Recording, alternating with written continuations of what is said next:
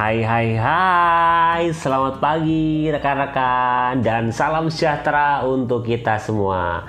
Semoga hari ini rekan-rekan masih dalam kondisi yang sehat, berbahagia, dan bersemangat. Nah, ketemu lagi dengan saya, Ivan Dana, yang kali ini kita akan kembali membahas sebuah buku. Kali ini buku yang saya review berjudul Living the 80-20 Way yang ditulis oleh Richard Koch yang mengaku sebagai pengusaha malas, namun kenyataannya ia telah menulis 18 buku termasuk buku tentang penerapan prinsip Pareto di dalam kehidupan sehari-hari yang menjadi bestseller dan terkenal di dunia yang saya review kali ini. Wih, menarik sekali ya. Memang kalau kita membaca di bagian awal buku, kita akan menemukan hal yang menarik.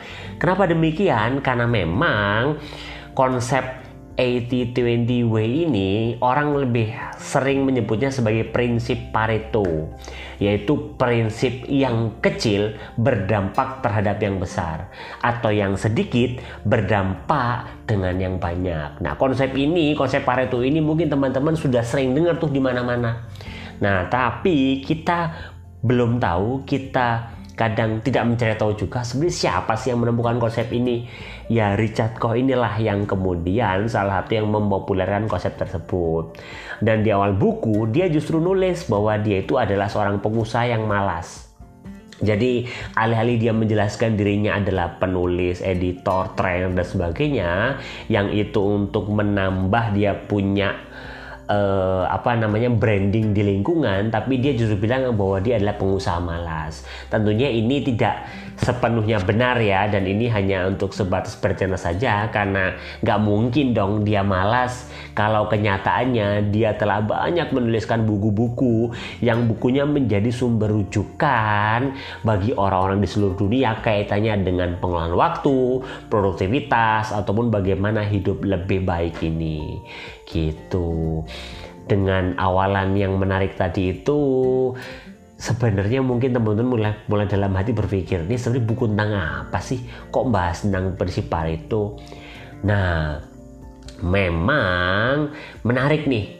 Bila di awal tadi kita mendengar sebutan pengusaha malas yang diberikan oleh Richard pada dirinya sendiri namun memang ya nggak heran juga sih sebutan ini dia gembar-gemborkan, dia sharingkan dan dia berharap bahwa orang itu menyebut dia sebagai pengusaha malas. Kenapa demikian?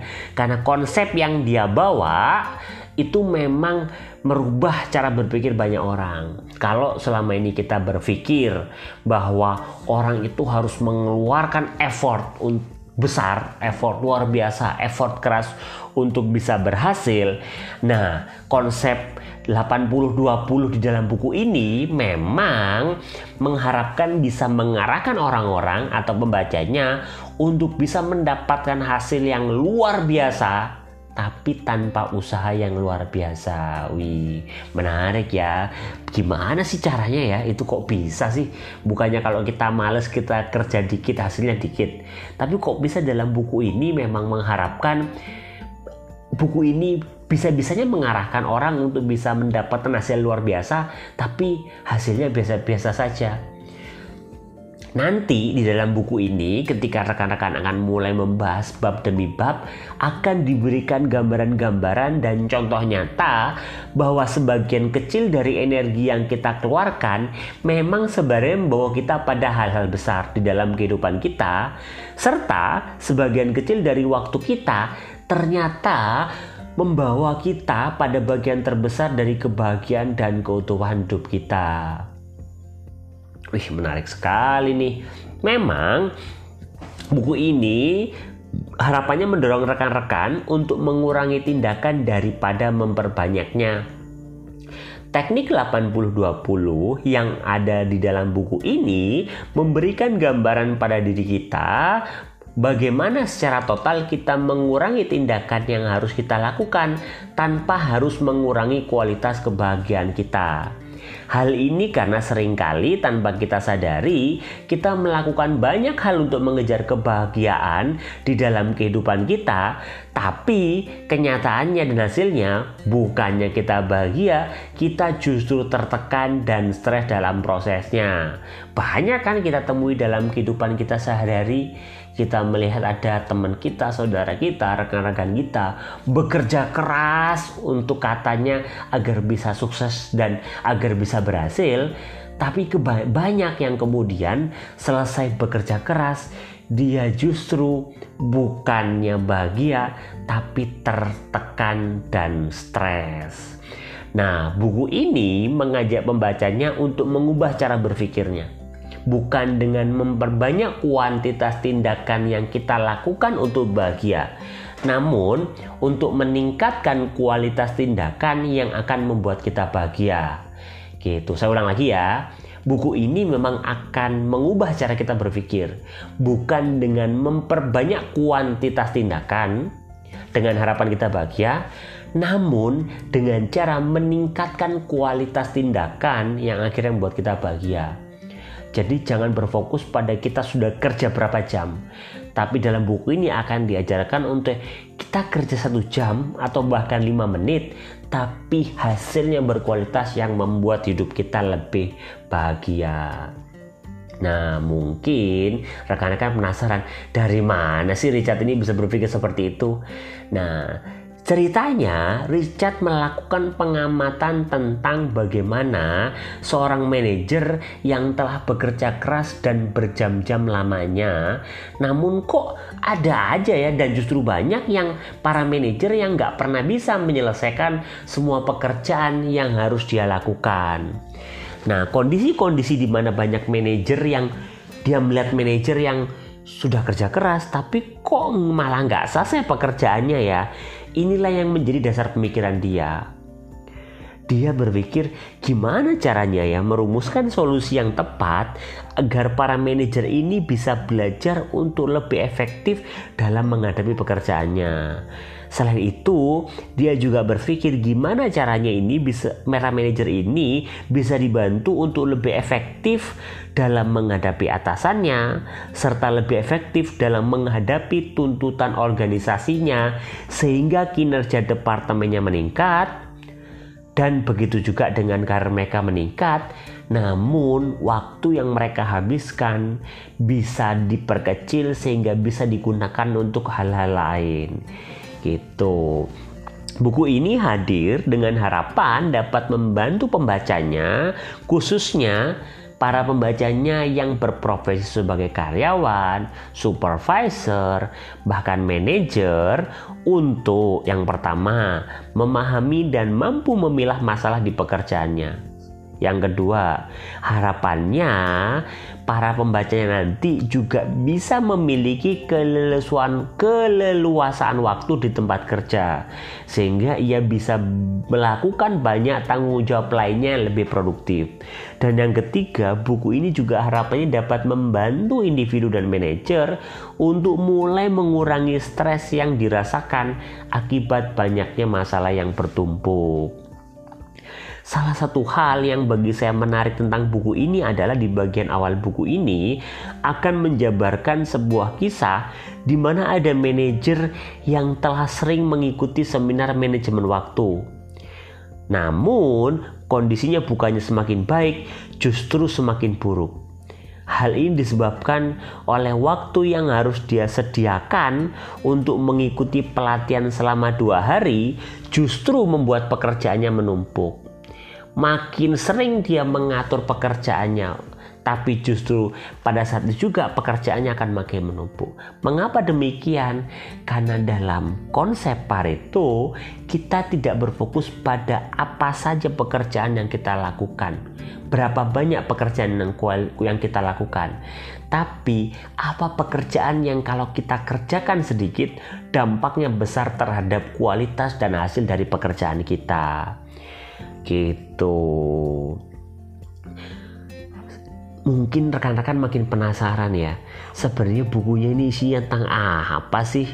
Secara umum, buku ini akan memberikan gambaran pada kita semua tentang tiga poin. Yang pertama, bagaimana caranya kita menghasilkan lebih banyak dengan lebih sedikit usaha. Yang kedua, buku ini juga akan memberikan gambaran tentang pentingnya memfokuskan waktu pada 20% aktivitas yang berdampak bagaimana menikmati pekerjaan dan kesuksesan, serta bagaimana kita membangun hubungan yang berkualitas dengan cara Pareto atau 80-20. Dan yang bagi saya juga sangat menarik adalah di dalam buku ini nanti rekan-rekan akan diajak untuk membuat rencana kebahagiaan rencana kebahagiaan 80-20 di dalam diri kita masing-masing. Jadi kita tidak hanya mendapatkan teori, tidak akan mendap tidak hanya mendapatkan ilmu baru, tapi kita juga akan diajak untuk bikin rencana. Rencana bukan hanya rencana untuk mengelola waktu, tapi rencana untuk hidup bahagia. Gitu. Menarik memang melihat isi buku ini karena memang jujur ketika saya pertama kali melihat covernya awalnya saya melihat bahwa ini adalah buku tentang bagaimana mengelola waktu. Namun ternyata setelah saya baca nih lembar demi lembar, menit demi menit saya habiskan untuk baca buku ini, ternyata isinya jauh lebih dalam daripada yang saya bayangkan. Karena justru dalam buku ini bukan sekedar mengajak pembaca untuk memaksimalkan waktu bukan sekedar membaca mengajak pembaca untuk bagaimana mengelola waktu lebih baik tapi mengajak pembaca untuk mengelola tindakan yang kita lakukan dengan lebih sedikit usaha. Namun harapannya hasil lebih banyak dalam rangka menikmati kehidupan yang lebih berkualitas Kesimpulannya adalah secara umum buku ini pas untuk dibaca oleh rekan-rekan semua yang sering merasa kewalahan mengelola waktu yang dimiliki, sering merasa kewalahan dalam merasakan pekerjaan yang bermunculan tanpa henti, pas juga untuk dibaca oleh rekan-rekan yang merasa kesulitan menyelesaikan pekerjaan yang ada di depannya masing-masing dan juga pas dibaca oleh rekan-rekan yang kewalahan menyelesaikan pekerjaan di kantor, di lingkungannya sehingga stres. Buku ini akan mengajak pembacanya untuk kembali merenungkan tentang makna pengelolaan waktu yang sesungguhnya, merenungkan kembali tentang makna kehidupan yang sesungguhnya, dan merenungkan kembali tentang makna kebahagiaan yang ingin dicapai. Selama ini kita mungkin masih merasa bahwa makin banyak yang kita kerjakan akan makin baik. Karena artinya kita bekerja dengan baik tuh. Kita bekerja dengan banyak hal yang kita kerjakan, banyak hal yang kita selesaikan, kita keren tuh. Padahal sebaliknya, bisa jadi yang kita kerjakan sebenarnya tidak berdampak terhadap pencapaian tujuan jangka panjang kita.